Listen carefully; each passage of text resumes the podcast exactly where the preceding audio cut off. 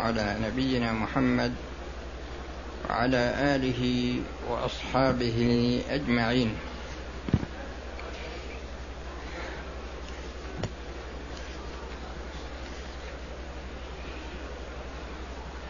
الفرق الثاني والعشرون لا الحادي لو تكلمت عليه ما أنتم فاهمينه ولهذا تركته. الفرق الثاني والعشرون بين قاعدة حقوق الله تعالى وحقوق الآدميين.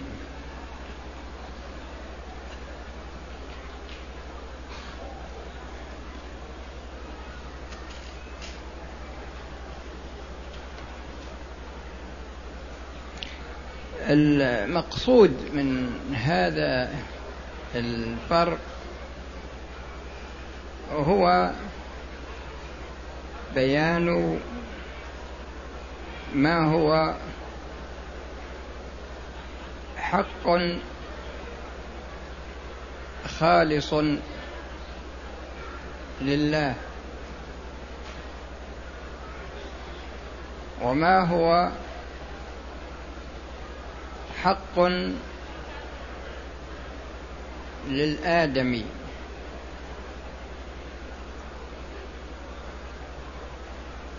وما هو وما يجمع بين حق الله وبين حق الآدمي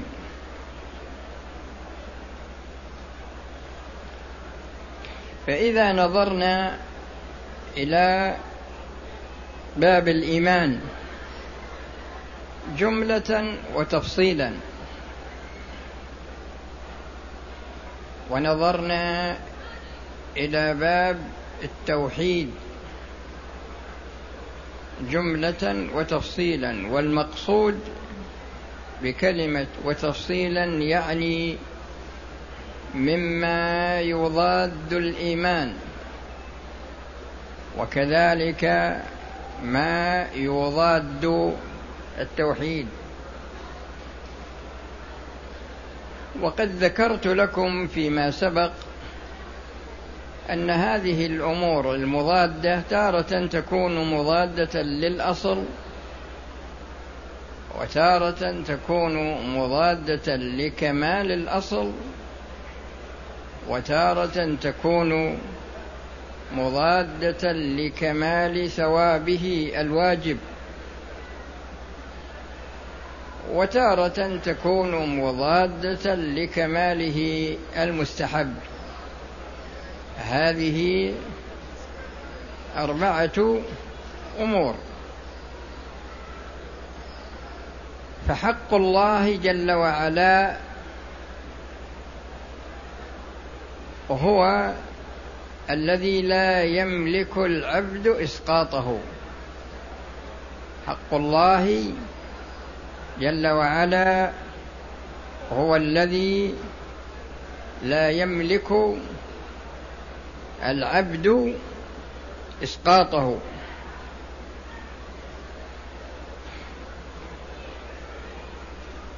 وحق الآدميين ما يملك العبد إسقاطه. حق الآدميين ما يملك العبد إسقاطه. لكن حق الآدميين فيه حق لله والحق الذي فيه لله هو التعبد. يعني اعتقاد أو نية التعبد من العبد لله جل وعلا بامتثال أمره وباجتناب نهيه من جهة أداء هذا الحق أو من جهة منعه. يعني إذا كان إذا كان الواقع يقتضي إيجاده إذا كان واقع الحال يقتضي منعه فلكل حالة حكمها. ولكن جميع الصور كلها مندرجة تحت التعبد لله جل وعلا من العبد. ولكن سمي هذا الحق للعبد يعني أضيف إليه من جهة إسقاط من جهة كونه يملك إسقاطه. فإذا كانت له حقوق على الآدميين حقوق مالية. هو يملك إسقاط هذا الحق المالي ويملك إسقاط هذا الحق المالي. وإذا حصل اعتداء عليه مثلا بضرب أو نحو ذلك فهو أيضا يملك إسقاطه. فتبين من هذا أن حق الله وهو الذي لا يملك العبد إسقاطه بأي وجه من الوجوه. وأن حق العبد هو الذي يملك العبد إسقاطه وأنه وأن هذا الحق الذي للعبد فيه حق لله كما سبق بيانه.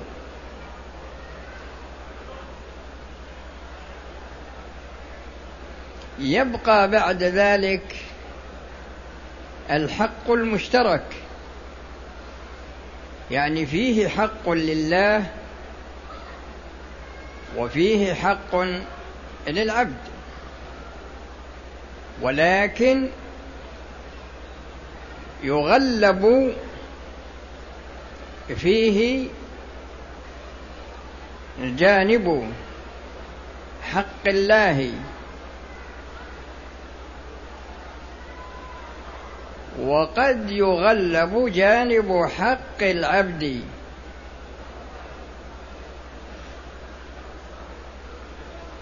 فإذا نظرنا إلى القتل العمد العدوان وجدنا أنه من حيث الابتداء لا يجوز لشخص أن يأذن لشخص بقتله عمدا عدوانا. لأن هذا من المحافظة على ضرورية من الضروريات الخمس وهي المحافظة على النفس. فلا يجوز لشخص أن يأذن لشخص بأن يقتله عمدا عدوانا. لكن إذا حصل القتل إذا حصل القتل وأراد أولياء المقتول العفو عن القاتل فهذا إليهم لأنهم يملكون العفو عن القاتل. ولهذا القتل العمد العدوان يتعلق به ثلاثة حقوق منها حق الأولياء ولهم العفو أو طلب القصاص. أما حق الله فهذا راجع إليه. إن شاء عفا وإن شاء عاقبا. وحق المقتول باق لأن الحقوق التي بين الناس يأتي منها القصاص يوم يأتي فيها القصاص يوم القيامة. يعني تعدي بعض الناس على بعض بأي وجه من وجوه التعدي يقتص الله جل وعلا لبعضهم من بعض. فيؤخذ من حسنات الظالم وتضاف إلى المظلوم. فإذا فنيت حسناته أخذ من سيئات المظلوم وأضيفت إلى الظالم. قد يكون الشخص مجرما في حياته من ناحية كثرة تعديه على الناس وإذا أريد وإذا أخذ من حسناته كثر الأخذ منها حتى تفنى. فإذا فنيت الحسنات ورجع بعد ذلك إلى السيئات سيئات المظلوم يؤخذ منها بقدر حقه وتضاف إلى الظالم. ونضع الموازين القسط ليوم القيامة فلا تظلم نفس شيئا وإن كان مثقال حبة من خردل أتينا بها وكفى بنا حاسبين.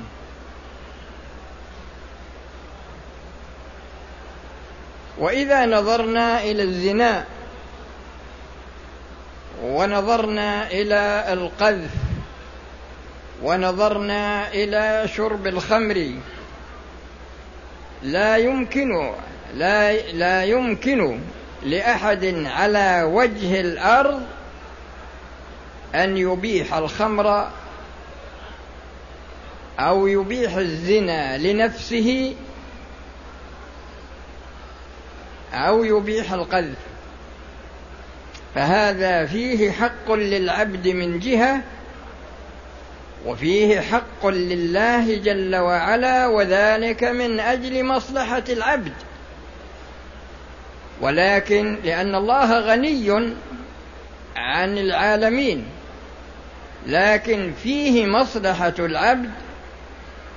والله لم يجعل للعبد أن يأذن في ذلك. يعني ممكن إنسان يسقط حد الزنا لا سواء كان رجم أو تغريب أو جلد. لا يمكن ابدا. يعني زانية تريد أن تسقط الحد عن الزاني مثلا أو أي شخص من الناس. لا يمكن هذا. فهذا مغل هذا فيه حق للعبد من جهة وفيه حق لله من جهة ثانية لكن من مجل مصلحة العبد. وذلك من أجل حفظ الأنساب وحفظ الأعراض وحفظ العقول. فالمقصود أن حق الله هو الذي لا يملك أي شخص على وجه الأرض اسقاطه وحق العبد يملك العبد إسقاطه ولكن فيه حق لله جل وعلا. وحق الله فيه هو التعبد يعني التعبد من المكلف.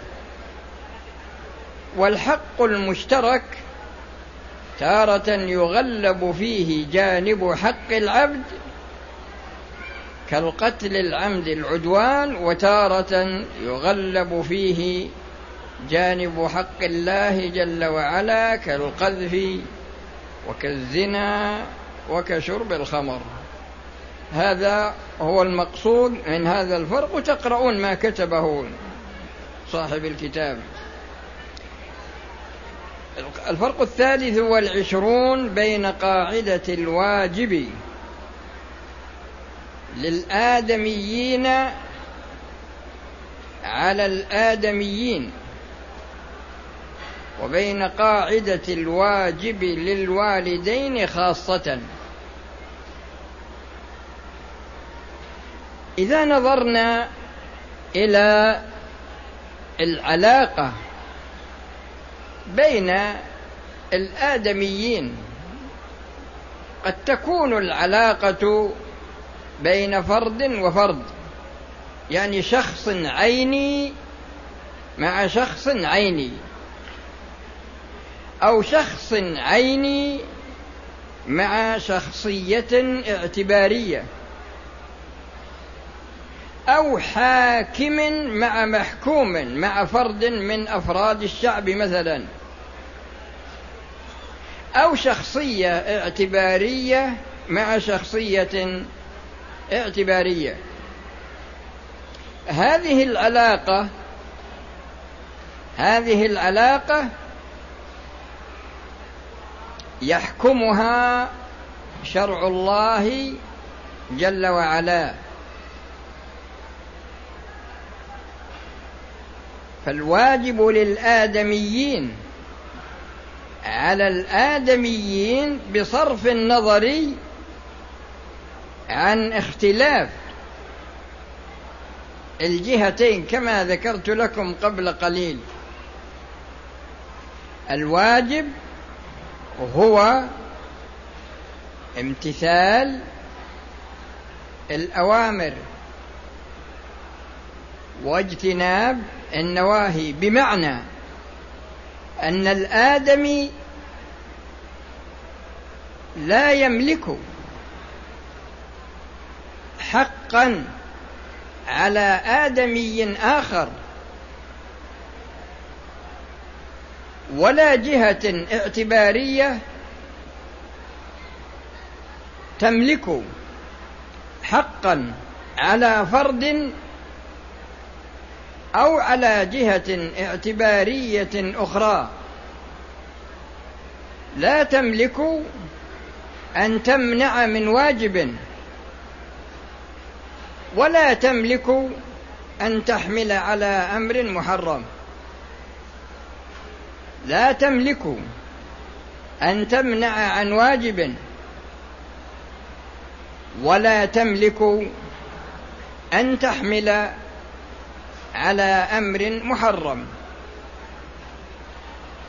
وهذا كما ذكرت لكم العلاقة بين شخصين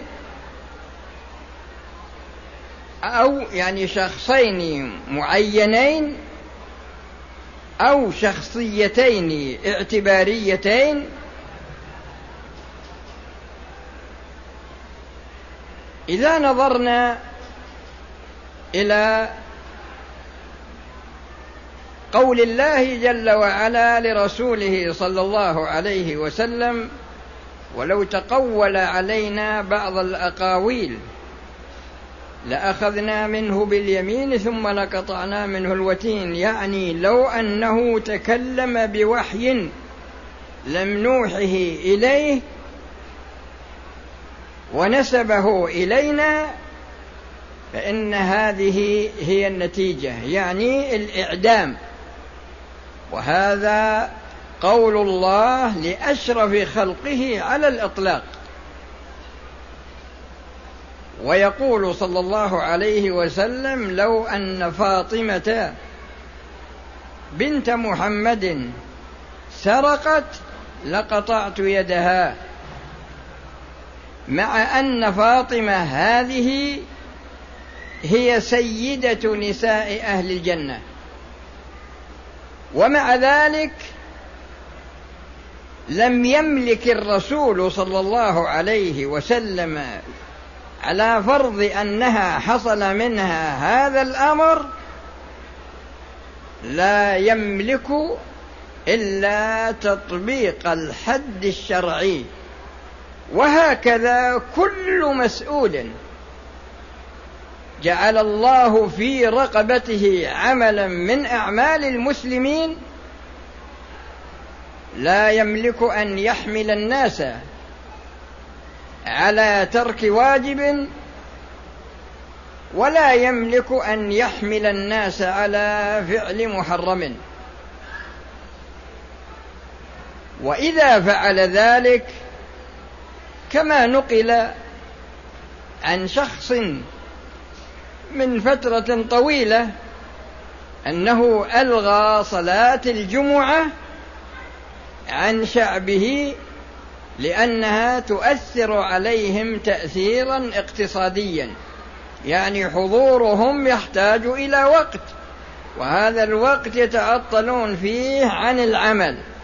فهذا اقترح أنهم لا لا يجتمعون لصلاة الجمعة. وهكذا القوانين التي تسن ويكون فيها حكم بغير ما أنزل الله جل وعلا هو داخل في هذه القاعدة.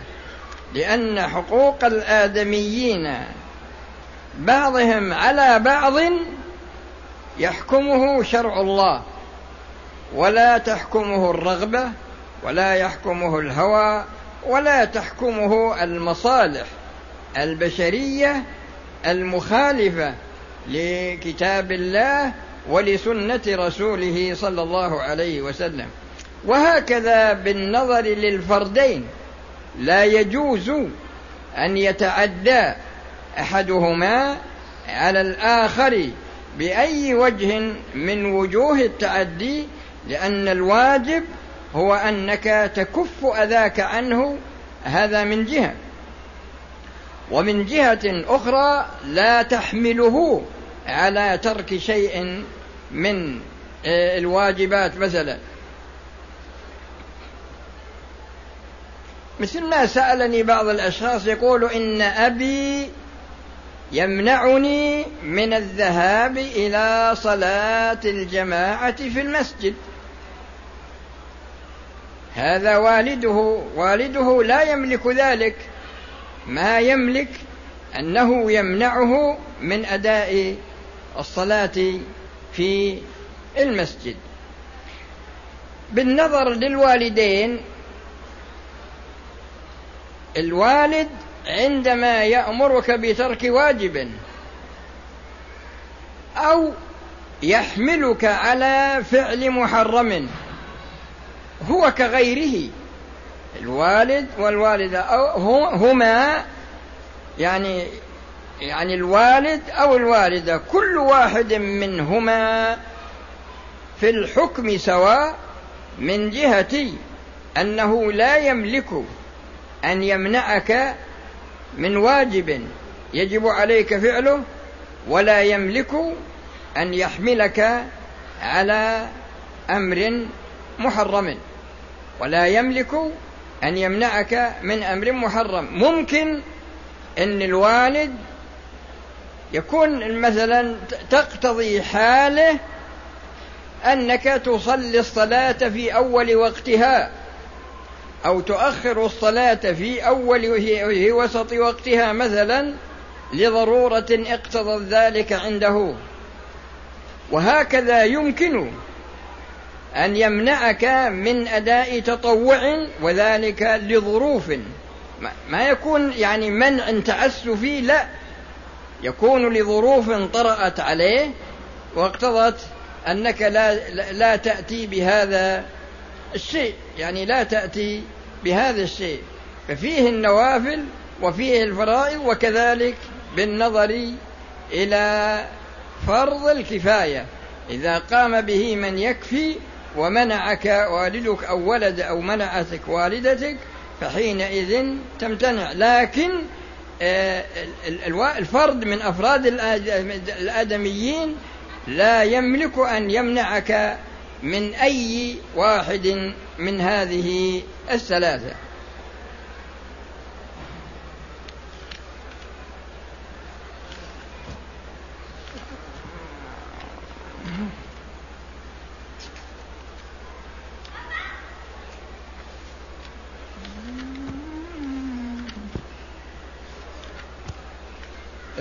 القاعدة التي بعدها أو الفرق الذي بعدها. الفرق الرابع والعشرون بين قاعدة ما تؤثر فيه الجهالات والغرر.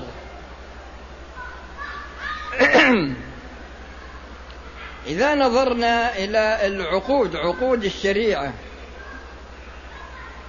وجدنا أن كل عقد منها سبب. وأن هذا السبب له أركانه وشروطه وواجباته وانتفاء موانعه. له أركانه وشروطه وواجباته وانتفاء موانعه. فكل شا فكل عقد سبب. هذا السبب يعني قاعدة الشريعة أن الأسباب المشروعة تترتب عليها المصالح وأن الأسباب الممنوعة تترتب عليها المفاسد. فمنعت هذه الأسباب نظرا لما يترتب عليها من المفاسد العائدة على الشخص العيني أو الشخص الاعتباري مثل ما إذا كان مدير شركة يمثل شركة وهو الذي يتولى إبرام العقود. فلا يعقد عقدا يكون هذا العقد سبب ممنوع. وإذا عقده ترتب عليه مفسدة. ترتب عليه مفسدة. فقاعدة الشريعة أن الأسباب المشروعة تترتب عليها المصالح من حيث الوجود وتترتب عليها المفاسد من حيث العدم وأن الأسباب الممنوعة تترتب عليها المصالح من حيث العدم وتترتب عليها المفاسد من حيث الوجود. تترتب عليها المفاسد من حيث الوجود. إذا نظرنا إلى الجهالة إلى الجهالة. وجد وكذلك الغرر. وجدنا أن أن هذا أن كلا منهما مانع. مانع لكن ننظر في العقد. العقود من حيث الأصل على قسمين. القسم الأول عقود المعاوضات المالية. عقود المعاوضات المالية كالبيع الشراء والإجارة جميع عقود المعاوضات. عقود المعاوضات هذه لا يغتفر فيها الجهل ولا يغتفر فيها الغرر إلا إذا كان يسيرا جدا هذا من جهة. أو كان تابعا لأن من قواعد الشريعة أنه يجوز تبعا ما لا يجوز استقلالا. فالإنسان عندما يشتري بيتا لا يشاهد الأسس التي أسس عليها هذا البيت. لا يشاهد الأسس التي أسس عليها هذا البيت. فيشتري البيت مع جهالة الأسس لكن جهالة الأسس تابعة. فيجوز تبعا ما لا يجوز استقلالا. وأما عقود التبرعات عقود التبرعات مثل الهبة ومثل الصدقة يجمعها عقود التبرعات كلها. فهذه إذا وجدت فيها الجهالة أو وجد فيها الغرر فإنه لا مانع منه وذلك أن هذه العقود وذلك أن هذه عقود تبرعات محضة من جانب واحد وليس لها معاوضة وليس فيها معاوضة. صحيح عقد النكاح عقد النكاح هذا بالنظر إلى أن الأدلة التي جاءت في القرآن وجاءت في السنة لم تحدد المهر لكن هذا المهر حق شرعي للمرأة وذلك في مقابل ما جعل الله لهذا الرجل من حقوق على هذه المرأة. وكونه تنتفي فيه الغرار ينتفي فيه الغرر والجهالة هذا هو الذي يتمشى مع قواعد الشريعة. يعني ممكن يصير فيه جهالة لكن تكون مغتفرة تكون مثلا يعني ما يترتب عليها ضرر. ما يترتب عليها ضرر. مثل ما إذا كان عنده عشرة من العبيد فأصدقها واحدا منهم واحد من العشرة. فإذا كان بهذه الطريقة فإن هذا يكون مغتفر